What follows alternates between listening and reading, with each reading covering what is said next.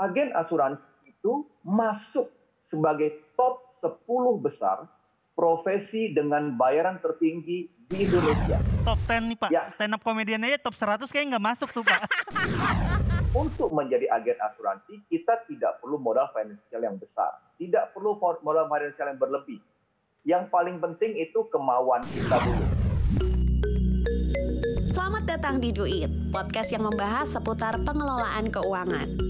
Dalam setiap episode, saya akan berbincang dengan bintang tamu yang menarik dan juga para expert yang akan menjawab segala permasalahan finansial. Bersama saya Deris Kita, inilah Duit.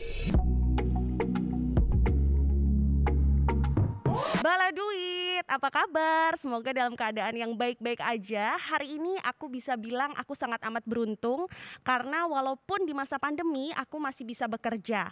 Walaupun di tengah pekerjaan masih harus mematuhi protokol kesehatan. Aku yakin mungkin bala duit di rumah ada yang tidak seberuntung aku. Masih bingung harus bekerja seperti apa di tengah masa-masa sulit ini. Hari ini di Duit kita akan bahas salah satu pilihan profesi yang bisa dijadikan jenjang karir sama bala duit semua.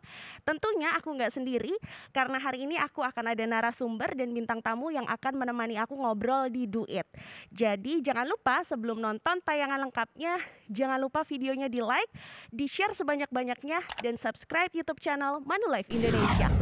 Seperti biasa, kalau di Duit aku nggak mungkin sendirian karena pasti aku akan ngobrol barengan sama narasumber dan bintang tamu teman-temanku yang akan ngulik salah satu topik. Hari ini udah datang di studio teman aku Komika, kita sambit. Jadul banget jadul banget ya. eh, ini candaan gue. Kita sambut Yuda Keling. Halo teman-teman Bala Duit. Asik. Asik. Eh kalau Yuda Keling, kelingnya ini apa sih sebenarnya? Eh, kelingnya itu karena ya karena ini sih ya. Oh, jadi karena warna kulit sih. Oh, jadi Yuda yang sebenarnya tuh kayak ada highlighternya gitu. Iya, ya? iya. Gemerlap gitu ya. Shadownya kebanyakan. Oke, tapi yang penting semoga kelingnya itu sampai ke eh, masa depan kita juga bisa keling keling keling. Oh ya, keling kling kling kling. Bersinar. Bersinar. Amin, amin, amin. Nanti kita ngobrol ya hari Boleh, ini. ya. boleh. Dan hari ini tentunya aku juga ada kedatangan tamu narasumber yaitu Bapak Jeff Ricky, Chief Agency Officer Manulife Indonesia yang sudah bergabung virtual bersama kita. Pak Jeff, apa kabar Pak Jeff? Hai Dea, kabar baik, kabar sehat selalu ya. Semoga yang di studio juga sehat selalu. Amin, amin. Amin. Hari ini bersama dengan Yuda kita akan ngobrol-ngobrol ya Pak Jeff ya. Ya, hai Yuda. Halo Pak Jeff. Asik. Halo, Dari nada-nadanya nih Yuda kok moodnya kayak Akrab lagi banget saya sama Pak Oh. Jeff. Udah akrab- konco kental. Oh, konco kental, Konco kental. alias temen yang mm, gandeng banget Gandeng gitu ya. banget. Kalau Pak. Jeffrey ulang tahun saya taruh ucapin di Insta story gitu. Oh gitu ya, nanti di repost sama Pak Jeff ya. Iya. Oke, hari ini kita akan ngobrol-ngobrol nih Yud Hmm. eh, tentang topik yang menurut aku sih cukup Ya. menarik. Oke. Cuma ngomong-ngomong gimana nih datang ke sini tiba-tiba kok dari tatapanmu aku bisa membaca sesuatu? Ini Mbak Dea, tadi Mbak Dea sempat bilang Mbak Dea udah bersyukur udah bisa kerja. Yes, Nah, saya ini bagian yang masih galau, Mbak. serius. Karena kan stand up masih belum boleh. Oh benar. Jadi saya dibanding kerja lebih banyak tidur, Mbak. Oh wah. Orang rumah sampai bingung ini orang atau ornamen kasur Oh gitu. jangan-jangan motif. iya. Disangkain guling saya, Mbak. Tapi setuju sih, mungkin Baladwit juga tahu ya kalau komika itu kan identik sama acara yang di panggung, Mm-mm. terus juga ada penonton yang Betul. ketawa gitu ya. Ha-ha. Dan Sejauh ini berarti gimana tuh? sejauh ini kan masih belum banyak bolehnya lah ya. Yes. Nah, udah gitu kan pengennya kalau lagi galau gini nggak ada kerjaan, ngumpul sama teman, Iya dong. ngobrol-ngobrol biar dihibur. Mm-mm. Kemarin ada temen ngajakin nongkrong nih, udah Ya. lama nggak kontak kan bilang, "Yuk, nongkrong yuk." Yuda iyain lah, ayo kita nongkrong. Sampai nongkrong dia malah, "Yud, lu kan lagi nggak ada kerjaan, Yud. Jadi agen asuransi aja mau gak?" Gitu. Nawarin. Nawarin. Oke. Niatnya ketemuan itu biar ngobrol-ngobrol dia malah ngajakin cuan gitu. Oke. Niatnya sih ngobrol supaya refreshing sejenak Betul. dari stres kamu ya. Bener. malah diajak gabung jadi, Jadi, agen asuransi. asuransi. Oke. Nah, gimana nih Pak Jeff? Kita pekerja freelance gitu ya, Mhm. pekerja lepas nih emang pada saat masa pandemi eh, dicoba gitu. Betul. Punya cobaan yang lebih. Eh, job kita sepi, terus juga kita sekarang gampang stres. Bener. Apakah kita harus menjadikan tadi pilihan agen asuransi itu sebagai pilihan karir kita, Pak Jeff? Menurut Pak Jeff gimana sih? Hmm, begini ya. Memang hampir semua orang yang ketika ditawarkan untuk berkarir sebagai agen asuransi itu reaksinya sama seperti Mas Yuda tadi. Enggak lah, enggak lah, terima kasih, terima kasih. Hmm, Kalau asuransi, enggak dulu dah. Ini bukan bukan gua banget Iya, gitu ya. benar, Pak. Itu itu hampir semua seperti begitu. Nah, tapi kalau kita lihat kembali, eh, ada survei ini. Survei mengatakan ada empat pilihan besar kenapa orang itu bekerja. Alasan yang pertama adalah mereka ingin punya income yang besar. Iya. Yap. Yang kedua, mereka ingin menikmati pensiun yang bahagia dan sejahtera. Dan yang ketiga, mereka ingin bisa punya kesempatan liburan ke tempat-tempat yang menarik, terutama dengan keluarga. Bener, Dan Pak. yang keempat adalah mereka ingin punya banyak waktu lebih yang bisa mereka spend bersama keluarga. Karena banyak kesibukan yang membuat mereka itu mengejar-ngejar karir, mengejar income itu tidak punya waktu untuk keluarga. Nah, keempat tujuan besar bekerja ini sebenarnya bisa didapat sebagai agen asuransi. Nah, tapi ada satu rahasia nih yang mungkin Mas Yuda juga perlu tahu apa bahwa agen asuransi itu masuk sebagai top 10 besar profesi dengan bayaran tertinggi di Indonesia. Wow. Nah, kalau ini faktanya masih mau mikir-mikir nggak? Mau nolak nggak kira-kira? Gitu Pak, loh yang mungkin kita harus lihat dari data yang lebih luas. Oke, tuh Pak, top 10 loh, top 10. Top 10, Pak. Top 10 nih, Pak. Ya. Stand up komedian aja top 100 kayaknya nggak masuk tuh, Pak. Kalau kayak kalau kayak gini sih jadi Jadi jadi, mikir ya? mau ngubungin temen yang tadi nawarin saya nih, Pak. Saya pikir tidak ada salahnya Hmm. mendengar lebih lanjut. Jadi jangan alergi sebelum kita mendengar lebih lanjut. Baru mendengar namanya udah alergi kan. Mungkin kita dengarkan penjelasannya, kemudian kita baru putuskan seperti apa. Gitu Yud. Jadi besok kalau temen lo ngajak nongkrong lagi, iyain aja dulu. Iyain aja dulu, dengerin dulu. Soalnya sekarang udah tahu kalau ternyata pemasukannya tuh top 10 paling tinggi. Iya, kalau kerjaan kita nih bisa jadi top 100 juga Top 100 enggak. juga nggak masuk gitu. Satu lagi nih, Yuda, saya saya kasih tambahan lagi. Boleh Pak Jeff? Eh, krisis pandemi ini, ini membuat orang semua setuju bahwa sebenarnya kita perlu punya beberapa sumber income. Iya. Hanya bergantung pada sumber income yang pernah saya katakan bahwa mungkin orang bangga dengan sumber income-nya terdahulu. Begitu terdampak pandemi, profesi-profesi yang dibanggakan, punya income yang diandalkan itu tiba-tiba kolaps. Betul. Hmm. Sementara kehidupan harus berjalan kan. Nah, Benar. ketika ada orang yang menawarkan kepada kita eh, sumber income, alangkah baiknya kita dengarkan dulu untuk kita lihat apakah bisa atau tidak bisa. Oke. Nah, pertanyaannya Pak, kalau kita udah dengerin nih Pak, emang setiap orang bisa jadi agen asuransi gitu Pak? Maksudnya random aja gitu apa setiap orang bisa atau ada kriteria khususnya gitu Pak? Nah, ini menariknya. Kalau dibilang semua orang bisa, semua orang itu pada dasarnya bisa. Ya, tinggal kita belajar kan. Tetapi ingat bahwa eh, leader asuransi atau agen asuransi yang menawarkan kepada orang untuk menjadi agen asuransi itu tidak semua orang bernapas ditawari loh. Jadi sebenarnya Mas Yuda ini harus bangga karena Anda terpilih dari sekian orang Oh, yang iya. mungkin teman-teman dia nggak ditawari semua.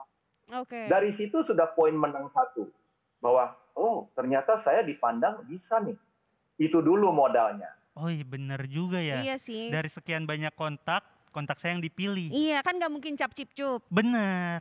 Mungkin itu bisa ditaruh jadi prestasi di CV kali ya? Oh jangan dulu, kalau dulu ya? misalnya nanti jadi benar baru, Baru, bisa oke ditaruh di gitu. CV.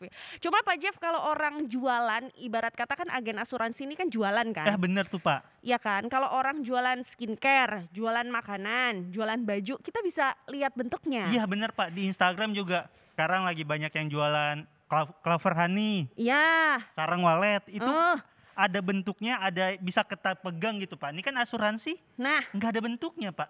gimana cara jualnya Pak? Nah, ini memang uniknya asuransi. Asuransi itu memang barangnya seolah-olah nggak kelihatan. Tetapi manfaatnya itu kelihatan nyata. Manfaatnya akan kelihatan ketika pada saat dia dibutuhkan. Iya. Nah, kalau kita lihat eh, profesi lain, profesi lain ini kan tadi diperlukan modal ya. Kalau kita mau jual barang, kita perlu beli barang, Ya. kita perlu jual ya. Untuk eh, skincare tadi atau tadi juga ada makanan dan juga yang lain-lain kita perlu modal. Dan untuk menjadi agen asuransi kita tidak perlu modal finansial yang besar, tidak perlu modal finansial yang berlebih. Yang paling penting itu kemauan kita dulu. Nah, Jadi dalam kondisi seperti sekarang tentunya kita tahu tadi income berkurang. Kalau Hmm. ditawari lagi peluang eh, kesempatan untuk mendapatkan income tapi harus keluar income, itu artinya kita harus merogoh kantong dulu kan? Ya. Bukan langsung menikmati. Nah, agen asuransi ketika Anda ingin bergabung, Anda tidak perlu memerlukan modal finansial yang besar. Jadi eh, kenapa nggak dicoba? hmm, Oke, oke. bener juga sih ya, nggak ada modalnya. Iya, modalnya tuh pede dan banyak itu kita ngubungin teman lama aja. Ya itu juga bisa. Ter- ah. Pokoknya modalnya bukan modal yang harus mengocek income kita lagi Iya. deh, gitu. Ya, Kita broadcast aja ke teman-teman, eh ketemuan yuk. Iya, Dari siapa- yang 100 kan pasti siapa? ada lima yang yang mau gitu ya. Cuma sepengalaman aku, Mm-mm. eh, agen-agen asuransi tuh biasanya teman-teman yang sudah senior. Oh benar tuh Pak. Nah, kalau kita-kita nih, Ci, Iya. berasa muda banget kan? kalau kita-kita yang masih muda, Pak Jeff, kiranya kalau jadi agen asuransi tuh emang udah pantas ya? Benar Pak itu Pak. Ini, ini menarik ya. Menjadi agen asuransi itu bisa di level mana saja. Oh, Karena ini kan people business. Ini people business. Orang-orang muda tentunya punya network kawan-kawan dia orang-orang muda. Orang-orang yang senior punya teman-teman network mereka yang senior-senior. Hmm. Jadi semua itu punya market yang berbeda-beda. Di Indonesia, khususnya di Indonesia, ini memang masalah umur ini, usia ini agak sedikit sensitif. Orang-orang yang tua Mm-mm. itu agak susah masuk ke usia yang muda. Iya. Sedangkan orang-orang usia yang muda itu juga susah masuk ke usia yang tua. Benar Pak. Jadi sebenarnya kita punya market sendiri-sendiri. Kalau kita di umur muda berarti teman-teman kita muda-muda. Iya. Kita bisa memperkenalkan produk dan perlindungan itu kepada teman-teman kita yang seusia dengan kita. Jadi nggak usah khawatir, semuanya bisa. Dan kalau nanti nih, saya ada teman satu yang masih muda juga, sudah berkarir di Manulai, sudah sukses. Nanti dia akan ceritakan bagaimana suksesnya dia. Dan eh, dan dia masih muda. Kok bisa ya orang sukses di muda? Nah, nanti kita dengar rahasianya dari dia. Oke, tapi benar sih di masa pandemi ini kan orang tuh nyari juga asuransi. Mm-mm. Kayaknya tuh ada deh datanya di mana orang jadi jauh lebih melek terhadap proteksi yaitu Benar. asuransi. Berarti kan sebenarnya kalau di logika aja profesi agen asuransi ini jadi profesi yang sebenarnya menjanjikan dong. Oh iya benar ya. Sel- kan? semak- pandemi makin meluas, orang butuh proteksi. Agen asuransi berarti dibutuhin juga buat nyebarin produknya ya. Nah, dan yang tadi Pak Jeff bilang Mm-mm. kayak bener juga ternyata kita seusia kita pasar kita ya teman-teman yang usianya nggak jauh dari kita. Nah tadi kan kata Pak Jeff tuh ada uh, agen asuransi yang masih muda. Gue mau nanya-nanya sih ke dia maksudnya gimana caranya dia yang masih muda bisa nyebarin ke anak muda lainnya karena biasanya anak muda tuh tentang asuransi kayak ah ngapain gue masih muda ngapain gue pakai ini pakai itu gitu kan Nanti kita ngobrol ya. Boleh, boleh. Tapi Bala Duit harus tahu dulu kalau tadi penjelasan dari Yuda dan juga Pak Jeff ternyata kita bisa sama-sama tahu bahwa agen asuransi ini bisa jadi salah satu pilihan karir yang sebenarnya nggak pakai modal. Heeh. Terus juga di tengah masa pandemi ini justru bisa jadi nambah income kamu. Apalagi top 10 top 10 top 10 income eh, terbesar gitu ya. Ah. Jadi buat apa mikir kalau tadi kata Pak Jeff gitu. Nah, ada beberapa tokoh yang mungkin Bala Duit eh, belum tahu, ada tokoh-tokoh berhasil karena menjadi seorang agen asuransi. Ada Kenny Trout, pendiri perusahaan telekomunikasi dengan kekayaan sampai 1,7 miliar US dollar. Aduh. Di tahun 2015 uangnya udah segitu nih Yud. Gimana tuh?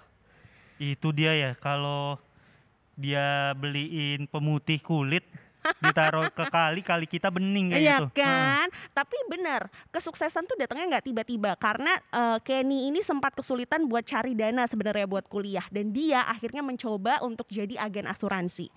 Surprisingly berhasil sampai hartanya sekarang sudah 1,27 miliar dolar 1,7 miliar US dollar. itu saya aja nggak kebayang tuh Nolnya berapa? Heeh. nggak kebayang tuh nggak kebayang Nah, tadi ini kan tokoh-tokoh yang udah aku ceritain. Hmm. Cuma nanti Ah. akan ada eh, narasumber bintang tamu iya yang tadi Pak Jeff bilang Heeh. dan kita bisa tanya-tanya langsung oh Kenapa? sebelum difilmin mungkin ya sebelum nanti siapa tahu iya kan difilmkan nih iya kan salah ada yang satu tahu kan narasumber depannya kita. Bener banget. Nah, Bala Duit semua pasti penasaran juga sama bintang tamu yang masih muda tapi sudah sukses menjadi seorang agen asuransi. Kita nanti akan ngobrol banyak, jadi Bala Duit jangan ke mana-mana. Sebelum lanjut, jangan lupa untuk like dulu video ini, share video ini sebanyak-banyaknya, dan subscribe YouTube channel Manulife Indonesia. Untuk informasi lengkap, kamu juga bisa kunjungi website Manulife Indonesia. Mas Baskoro 2 tahun jadi leader Heeh. kalau udah 20 tahun udah jadi Hokage kayaknya ya Mas dan buat Mas Aditya nih yang tadi katanya sempat kena tipu kalau nggak mau kena tipu pakainya Manulife asli Nah, ini pinter nih. masuk Sales nih Pak. Sel, Gimana nih udah Pak bisa Jeff? Mas Baskoro nih Ya, ya.